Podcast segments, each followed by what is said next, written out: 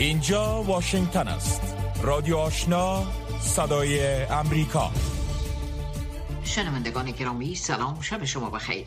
و برنامه خبری رادیو آشنا خوش آمدید. نسرین محمود عزیزی هستم و با همکارانم برنامه این ساعت را پیشکش شما می داریم اما نخواست همکارم قدیر مشرف اخبار افغانستان منطقه و جهان را به توجه می رساند. سلام و وقت همه شما بخیر شنونده های عزیز. جان بولتن مشاور پیشین امنیت ملی قصر سفید می گوید که پس از تسلط گروه طالبان بر افغانستان جهان باید نگران ورود فزاینده توریست های خارجی به افغانستان باشد. آقای بولتن در مصاحبه با صدای امریکا گفت که پیش بینی های استخباراتی وجود دارد که گروه های تروریستی داعش و القاعده در حال سازماندهی مجدد گروه هایشان در افغانستانند و امریکا بیش از پیش در معرض خطر قرار گرفته است. او افزود که طالبان باری دیگر ثابت کردند که به تعهدات خود عمل نمی کنند و حرف آنها ارزش کاغذ را که روی آن نوشته می شود ندارد. آقای بالتن این را هم افزود که طالبان واقعا خطر به جهان ایجاد کرده و نه تنها سرکوب در افغانستان که مطمئنا انجام می دهند بلکه تهدید به منطقه و جهان می باشند. آقای بالتن این اظهارات را در حال بیان می کند که رهبران طالبان بارها گفتند که با گروه های تروریستی رابطه نداشته و به هیچ کس اجازه نمی دهند از خاک افغانستان علیه کشورهای دیگر استفاده کند. جزیات را در وبسایت های دری و پشتوی صدا امریکا خواندن می توانید. برخی از باشندگان ولسوالی دره ولایت پنچیر مدعیان که از چند روز بدین سو اجساد نیروهای جبهه مقاومت ملی افغانستان در کوهها باقی مانده و طالبان به هیچ کس اجازه پایین کردن پیکرهای آنان و تدفین جنازه هایشان را نمی‌دهند. اما مقام های طالبان این ادعاها را رد کردند در دو روز گذشته ویدیوهای در رسانه های اجتماعی به نشر رسیده که نشان می‌دهد تعدادی از افرادی که گفته می شود از اعضای جبهه مقاومت هستند و دستهایشان بسته است توسط طالبان دستگیر شدند. صدای امریکا تا حال نتوانسته است صحت این ویدیوها و ادعاها را مستقلانه تایید کند.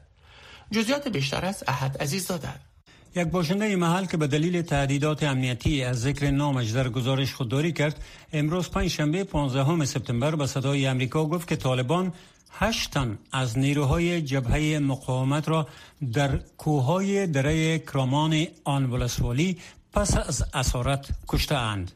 وی افزود که از این حادثه چهار روز مگذرد اما تا کنون کارمندان صلیب سرخ یا سرمیاشت هلال احمر و باشندگان محل اجازه نیافتند تا اجساد اعضای جبهه مقاومت را از کوه پایین کنند اما سخنگویان طالبان در صحبت با برخی از رسانه ها کشتار عمدی اسیران را توسط طالبان رد کرده و مدعی شدند که این افراد هنگامی که قصد حمله به سنگرهای طالبان را داشتند در نبرد رودرو کشته شدهاند. مقام های محلی طالبان برای پنشیر از صحبت درباره کشتار اسیران جبهه مقاومت در آن ولایت خودداری کرده اما تاکید دارند که مسئولان محلی در این ولایت با پایین کردن اجساد نیروهای مخالف آنان از کوها و دفن آنان مشکل ندارند. وزارت دفاع حکومت طالبان تا کنون در این باره ابراز نظر نکرده است. پس از نشر گزارش ها و ادعای مبنی بر کشتار اسیران و نقض حقوق بشر در پنشیر روز گذشته هیئت معاونت ملل متحد در افغانستان ضمن ابراز نگرانی گفت که وضعیت در پنشیر و جاهای دیگر را زیر نظر دارد. یونما افزود که طرفین درگیر به حقوق زندانیان احترام بگذارند. این سازمان همچنان خواستار به عدالت کشانیدن عاملان جنایات در آن کشور شده است. دهها چهره سیاسی مخالف طالبان به شمول احمد مسعود رهبر جبهه مقاومت ملی افغانستان روز پنجشنبه 15 سپتامبر. نشست سه روزه را در ویانا پایتخت اتریش به هدف بحث در مورد آینده افغانستان و مقاومت در برابر حکومت طالبان برگزار کردند.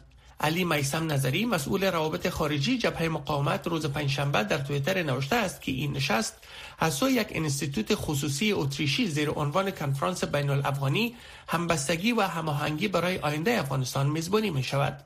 آقای نظری نگاشته است که این کنفرانس نخستین سکو و فرصت برای مخالفان طالبان است تا گرد هم جمع شده و در مورد راه حل و رفتن به سوی یک افغانستان صلحآمیز و دموکراتیک بحث کنند. گفته شده است که این نشست بدون حضور رسانه ها برگزار می شود اما آقای نظری گفته است که به تاریخ 16 سپتامبر کنفرانس خبری در مورد مسائلی که در این نشست بحث می شود برگزار خواهد شد.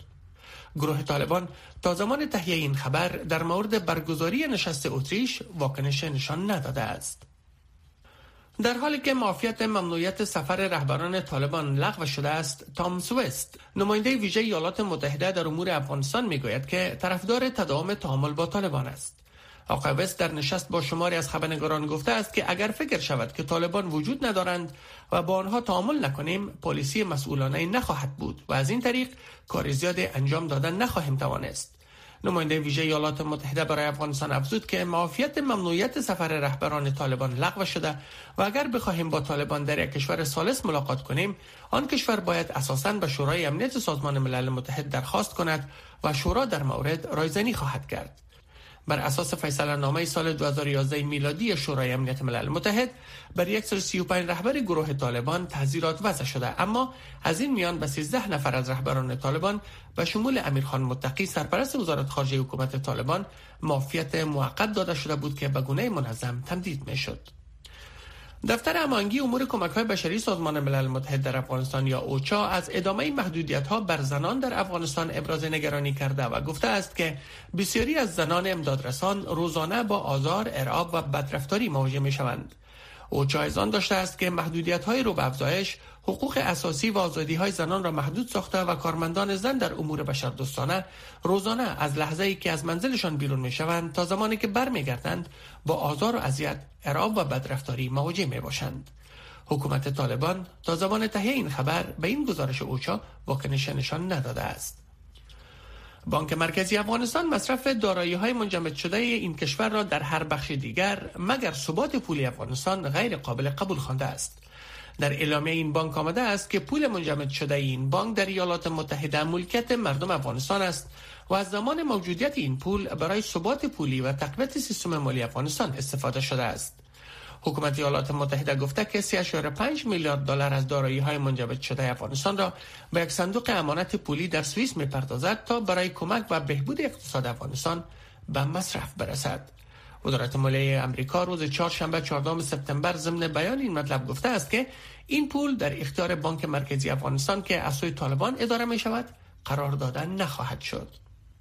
برنامه جهانی غذا می گوید که افغانستان شاهد بالاترین سطح سوی تغذیه حاد و متوسط است و بر علاوه میلیون ها کودک صدها هزار زن باردار و شیرده نیز از این بیماری رنج می‌برند.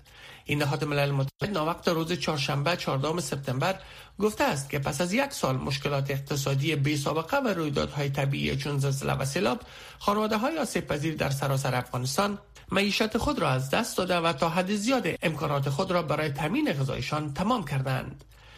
بر اساس آمار برنامه جهانی غذا نزدیک به 19 میلیون نفر نمی‌دانند وعده غذای بعدیشان از کجا خواهد آمد و 6 میلیون نفر از آنها با سطوح اضطراری گرسنگی و تنها در یک قدمی با قحطی روبروند.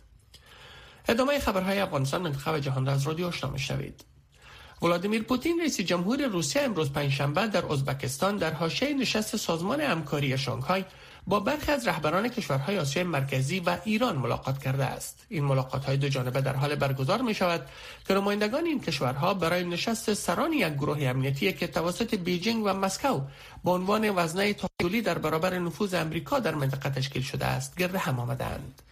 جزئیات بیشتر از نسرین محمود عزیزی. نشست هشت کشور عضو سازمان همکاری شانگهای در زمانی برگزار می شود که پوتین پس از حمله به اوکراین در سطح بین المللی منزوی شده و روابط بیجینگ با واشنگتن، اروپا، ژاپن و هند به دلیل اختلافات بر سر تکنولوژی، امنیت و قلمرو تیره شده است. یوری یوشاکوف مشاور رئیس جمهور پوتین در امور خارجی با آژانس اسوسییتد پرس گفته است که رؤسای جمهور روسیه و چین قرار است ملاقات دو به دو انجام داده و در مورد وضعیت اوکراین با هم بحث کنند. نشست روز جمعه سازمان همکاری شانگهای زیر سایه حملات نظامی روسیه بر اوکراین قرار گرفته است. در این نشست رهبران هند، چین و پاکستان نیز حضور دارند. در نشست سمرقند پوتین به دنبال استحکام روابط با شی جینپنگ همتای چینیش و بیرون شدن از انزوای بین المللی به تعقیب حمله بر اوکراین می باشد. مقامات پاکستانی می‌گویند که انجینیران این کشور با حمایت اردو شاهراه کلیدی را که شهر کویته ایالت بلوچستان را به مناطق سیلاب زده در جنوب وصل می کند بازگشایی کردند. پاکسازی این شاهراه به روز پنجشنبه دسترسی کارمندان امدادرسان را به یک جاده جدید تسهیل می بخشد تا بتوانند کمک ها را به افراد بیخانمان شدیدا آسیب دیده از سیلاب های اخیر تسریع بخشند. سیلاب های اخیر در پاکستان تا کنون جان 1486 نفر را گرفته است. یونسف می گوید در میان جان باخته ها 528 کودک نیز شامل است. شهباز شریف صدر پاکستان به ازبکستان رفته تا در گروه امنیتی تشکیل شده توسط چین و روسیه درباره فاجعه اخیر در پاکستان معلومات دهد. مایکل مکال عضو ارشد کمیته روابط خارجی مجلس نمایندگان امریکا در گفتگوی اختصاصی با بخش فارسی صدا امریکا درباره چشمانداز توافق احتمالی احیای برجام صحبت کرده است. جزئیات بیشتر از رویا زمانی. مایکل مکال می‌گوید که مطابق قانون فدرال تصویب توافق با ایران در کانگرس الزامی است.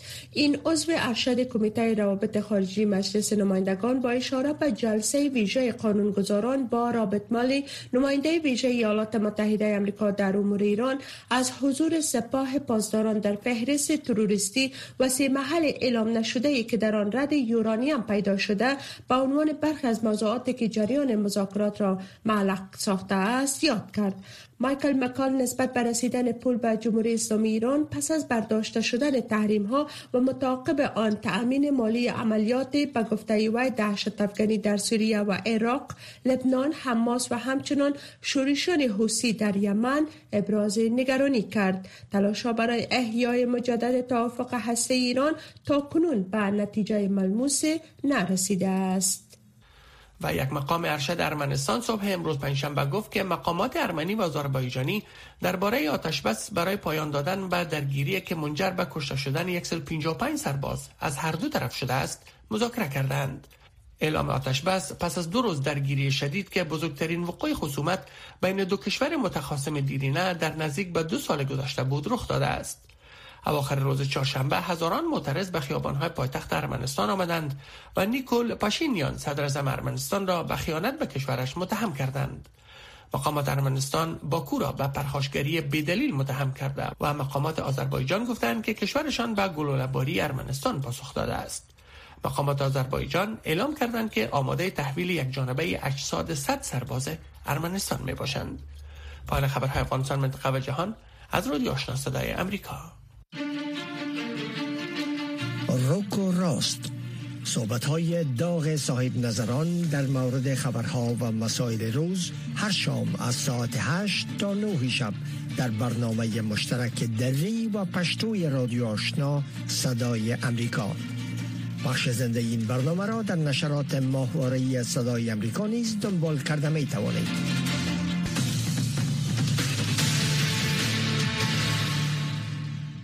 شنوندگان عزیز اخبار افغانستان منطقه و جهان را از رادیو آشنا شنیدید. حال هم توجه نمایید به گزارش هایی که برای شما برگزیده ایم. بعضی از شاگردان مکاتب در شهر کابل می‌گویند که میزان استعمال کنندگان مواد مخدر در بین هم قطارانشان افزایش یافته است. و هیدولای 19 ساله یکی از معتادان در این شهر می‌گوید زمانی که او سنف شش مکتب بود توسط یکی از همسنفی هایش معتاد به مواد مخدر شد. همکار ما احمد زکی با جزیات بیشتر. همراه با ایتیاد پا به سن نوجوانی گذاشته. او که تازه 19 ساله شده می‌گوید روزهای سیای او از کودکی آغاز شد. زمانی که هنوز در دوره ابتدایی مکتب بود و توسط یکی از همسنفانش با مواد مخدر آشنایی پیدا کرد. من سنف شش مکتب بودم در نیمروز در کمپ ایندیا نامش بود. در مکتب بچه ها دخترها بود. دیگه اگر دیوال من عملی بودم شیشه را می‌زد من دیگه کیزیمی و شیشه برخواستم یک روز دو روز در روز تو عملی. آخر برام پیش کرد عملی شد. او می‌گوید از هر سال بدین سو مواد مخدر استعمال می‌کند موادی که هم خوشی های دوران کودکی او را از وی گرفت و هم در حال حاضر از محبت خانواده نیز محروم شده است. همشیره هم خورده. بسیار کهیم های جربه یکیش اصابش هم یک ذره کمتم خرابه. نامزاد من دیگه اونو که ما خیلی میچستن از دیگه این تا میشه که ما برایم از خانه. این می طرف میام کم تپا ایامی وید نیز هم مانند هر معتاد دیگر دوری از دوستان ناباب و خودداری از استعمال مواد مخدر است. زیرا با باور او ترک دنیای ایدیات آن هم در شرایط موجود که هیچ امکاناتی وجود ندارد دشوار است. شفاخانه سه دفعه رفته ایم. شفاخانه پلساف نوجوانان شفاخانه نوجوانان. دیگه سه ماه به سر شدیم. پس که آمدیم اینجا گندیوالم دارم به نام فراد. اینه که می‌دیدم که دینمی عمل از پس ما مواجه میشم در شرایطی که افغانستان از بحرانهای سیاسی و اقتصادی حادی رنج می‌برد موضوع رسیدگی به معتادان و درمان آنان از توان طالبان که حاکمیت فیلی را در اختیار دارند بیرون است پیش از این وزارت صحت عامه طالبان گفته بود که به دلیل نبود امکانات نیمی از شفاخانه های درمان معتادان از فعالیت باز مانده اند. برای آن روز چی اندیشیده اید که اعتیاد دشمن سلامتیتان شود؟ بیایید اجتماع و زندگی من را آری از مواد مخدر بسازیم. پس به مواد مخدر نبگویید.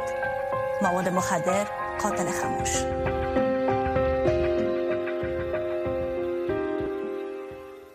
همانطوری که چند لحظه قبل در اخبار شنیدید سمرقند پایتخت ازبکستان میزبان نشست دو سازمان همکاری های شانگهای می باشد که امروز پنجشنبه با اشتراک سران دول و ناظران از هشت کشور به شمول چین، روسیه، پاکستان، قزاقستان، قرقیزستان، تاجکستان، ازبکستان و هند آغاز شده است. رهبران سازمان همکاری های شانگهای در مورد امنیت، سیاست، اقتصاد و مسائل منطقه‌ای به شمول افغانستان بحث خواهند کرد.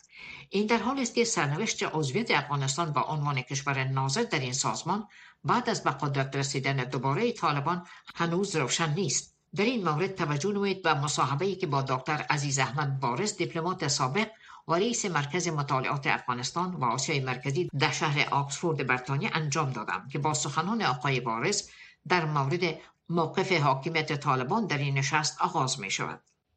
افغانستان در حال حاضر که طالبان از سوی سازمان ملل متحد مقاماتشان تحریم شده و ما حکومتی نداریم در افغانستان من حضور افغانستان در همچه کنفرانس با شکل بسیار طبیعی منطقی است. در حاشیه این نشست قرار است که رؤسای جمهور روسیه و چین هم با هم دیدار بکنند. دیدار اینا چه پیامی در قبال خواهد داشت؟ طبیعتا جلسه شانگهای که اکثر اعضایش کشورهای همسایه افغانستان هستن یک کشورهای منطقه ما هستن بهتر از بگویم هر جای دنیا که داره یکی از بحثا بحران افغانستان می باشه و بحران اوکراین طبیعتا شاید اینها در مورد افغانستان صحبت کنن.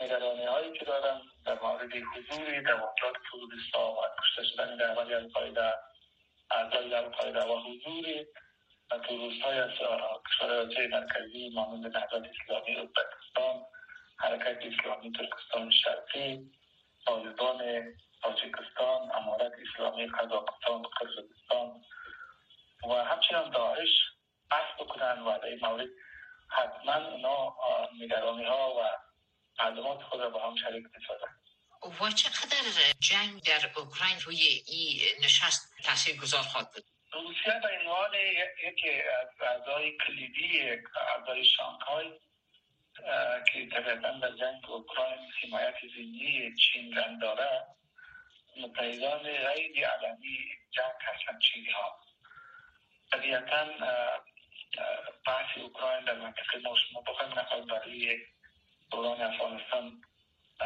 تاثیر منفی که داشته به این که توجه کشورهای جهان خصوصا کشورهای غربی و کشورهای منطقه ما کشورهای قدرتمندتر مانند چین و روسیه بیشتر به اوکراین شده.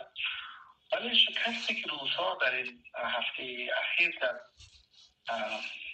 اوکراین متحمل شدن که اتفاقا و در اولین بار رسانه های روسی هم این گزارش دادن. من فکر می‌کنم شاید یک گامی باشه برای عقب نشینی در روسیه تا بتانه شکست خود را بازبینی کنه یا ادرسمنت کنه. با شرکایش در این منطقه که گامی برای چی باشه ولی من میفهم که قطعا کشورهای مانند ازبکستان تاجیکستان قرقیزستان چین پاکستان اینها نگرانی هایشان به بابت حضور دوامدار توریستها در افغانستان به جلسه بیان می‌کنن و شاید هم یکی از بحثا ادامه حضور توریستها در افغانستان باشه. چقدر یک آواز مثبت از مباحثات سازمان همکاری های شانگهای در مورد آزمون های جدیدی که جهان با او مواجه شنیده خواهد شد. پهلوی کشورهای عضو ما در جلسه شانگهای باید کشورهای داره به نام شرکای بحث گفتگو شرکت می‌کنن مانند کشورهای ترکیه سریلانکا نیپال آذربایجان و ارمنستان. اگر این دو کشور آذربایجان و ارمنستان شرکت کنه طبیعتا بحث اونا هم مطرح در حال جنگ هستن فرضاً کردم مهمتر کشورهای مهمان مهمانان دائمی که دعوت می‌شوند در این کنفرانس های شانگهای اینا سازمان متحد هست ترکمنستان هست شنوندگان گرامی رادیو آشنا صدای امریکا نشرات رادیو آشنا را در موج متوسط 1296 موج کوتاه 11575 اشاری سفر و در موج 972 کیلوهرتز شنیده می توانید. در حالی که در درگیری ها در سرحد ارمنستان و آذربایجان در مجموع حدود 155 سرباز جان باختند ایالات متحده و روسیه خواستار خشتنداری از سوی هر دو جناح شده است. سندی سین خبرنگار صدا امریکا در زمینه گزارشی دارد که عبدالواجد عادل به توجه میرساند. اقارب نظامیان ارمنی که در درگیری های شبانه با آذربایجان زخمی شدند در مقابل یک شفاخانه نظامی در ایروان پایتخت ارمنستان تجمع کردند. ارمنستان می‌گوید 105 تن از نیروهایش کشته شدند در این حال آذربایجان می‌گوید حدود 49 تن از نیروهایش در این درگیری ها از بین رفتند ند پرایس سخنگوی وزارت خارجه ایالات متحده گفت که کشورش به ویژه از گزارش های مبنی بر زخمی شدن غیر نظامیان در داخل ارمنستان نگران است و انتونی بلینکن وزیر امور خارجه با الهام علیوف رئیس جمهور آذربایجان صحبت کرده است. ند پرایس سخنگوی وزارت خارجه ایالات متحده می‌گوید. He urged President Aliyev to cease hostilities immediately وی از رئیس جمهور علیف خواست فورا مخاسمات را متوقف کند. توسل به نیروهای نظامی را کنار بگذارد نیروها را از مرز عقب بکشد و خشمتهایی را که می‌تواند جان غیر نظامیان را به خطر بیاندازد متوقف کند و برای حل و فصل همه مسائل باقی مانده بین ارمنستان و آذربایجان از طریق مذاکرات صلحآمیز تلاش کند ساکنان ارمنی قریه سوتت در نزدیکی مرز آذربایجان به خبرنگاران گفتند که خانه هایشان مورد اصابت گلوله های آذربایجان قرار گرفته و در آتش سوخت. روز سه شنبه بلینکن گفت که با رهبران هر دو کشور صحبت کرده است. من با هر دو صحبت کردم و از آنها خواستم تا هر کاری که ممکن است انجام دهند تا از هر گونه درگیری منصرف شده و به گفتگو درباره ایجاد صلح پایدار بین کشورهایشان بازگردند. وزارت دفاع ارمنستان روز سه شنبه ویدیویی را منتشر کرد که می‌گوید نیروهای آذربایجانی در حال پیشروی در خاک این کشور هستند. یکی از کارشناسان به صدای امریکا گفت که از این افزایش خصومت ها با توجه به همه مذاکراتی که در جریان بود شگفت زده شده است. ریچارد کاوز لاریچ سفیر سابق ایالات متحده در آذربایجان می‌گوید اکنون ناگان ما در وسط چیزی هستیم که به نظر من یک گام بزرگ به عقب این روند است. احساس می کنم وضع مانند نوامبر 2020 است که جنگ 44 روزه آغاز گردید.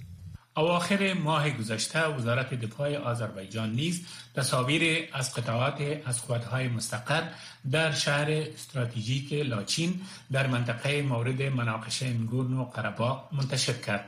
در طول جنگ 2020 آذربایجان های وسیع از نگورن و قرباغ را از ارمنستان پس گرفت. روسیه یک پایگاه نظامی در ارمنستان دارد و در گذشته به عنوان متحد اروان و یک میانجی کلیدی قدرت در منطقه پنداشته شد. اما کارشناسان می‌گویند با مصروف شدن روسیه در حمله به اوکراین مشخص نیست که ماسکو چه نقشه در این درگیری ها ایفا خواهد کرد. تلویزیون آشنا دریچه شما و سوی جهان. نه تنها در صفحه تلویزیون بلکه در صفحه اختصاصی فیسبوک تلویزیون آشنا. در وبسایت دری با آدرس voanews.com دری. در یوتیوب با آدرس voa افغانستان دری. و در صفحه اینترنتی تویتر. تلویزیون آشنا در هر زمان و هر مکان پیوند دهنده شما با جهان. و این هم آخرین گزارش این بخش. هفتاد و هفتمین دور مجمع عمومی سازمان ملل متحد در حال آغاز یافته است که رئیس نشست امسال این مجمع هشدار می دهد که ادامه اوضاع نامعلوم در جهان با شمول میزان بلند تورم پولی و جنگ مشکلاتی را به وجود آورده است که پس از جنگ جهانی دوم نظیر نداشته است. انتظار می که موضوعات مرتبط به تغییر اقلیم و تهاجم روسیه بر اوکراین بیشترین بخش گرد همایی امسال رهبران جهان در مجمع عمومی سازمان ملل متحد را تشکیل دهد گزارشی را در زمینه از سید عزیز الرحمن می شنوید. مراسم تشییع جنازه ملکه الیزابت دوم به تاریخ 19 سپتامبر برخی از رهبران اشتراک کننده جهان در نشست مجمع عمومی سازمان ملل متحد را با آزمون های لوجستیکی مواجه ساخته است. زیرا اشتراک این رهبران در مراسم جنازه و بعدا سفرشان به نیویورک ممکن باعث تغییر در تقسیم اوقات سخنرانی ها و دیدارهایشان شود. انتونیو گوترش منشی عمومی ملل متحد می گوید که نشست امسال در یک زمان مملو از خطرات بزرگ تدبیر می یابد. جهان ما زخمی از جنگ است. آسیب دیده بینظمی اقلیم است. از نفرت ترسیده است و شرمنده فقر گرسنگی و نابرابری می باشد ادامه عملیات نظامی روسیه بر اوکراین که ممکن در یک لحظه سرنوشت ساز نظامی قرار داشته باشد شامل همه بحث های امسال خواهد بود.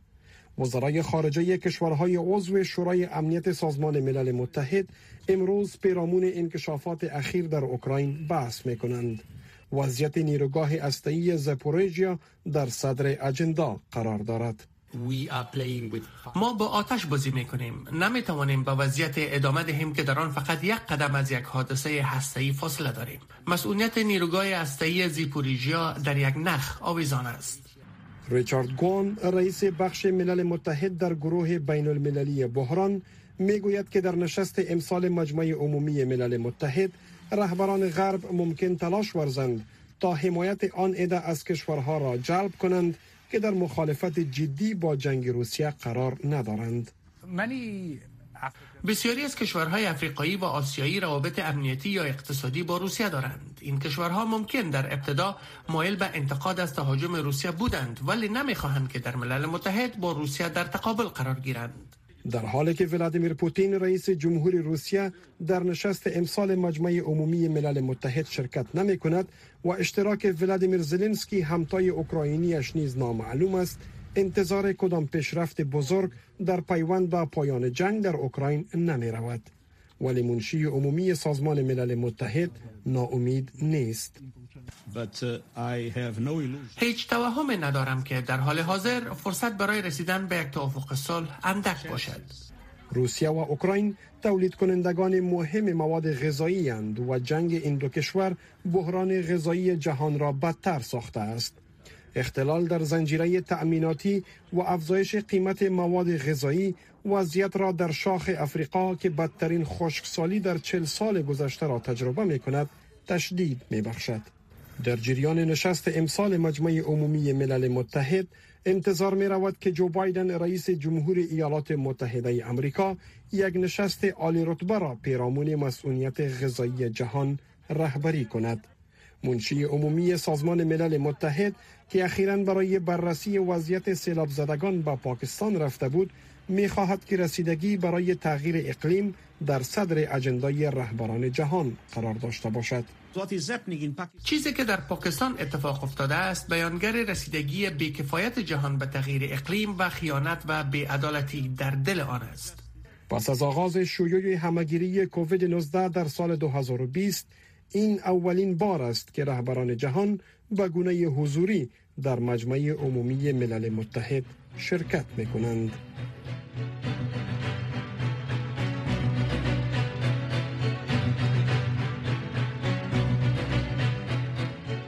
شنوندگان گرامی این بود داشته های این برنامه خبری که در همین جا به پایان رسید. اما نشرات پشتو و دری رادیو آشنا همچنان ادامه دارد.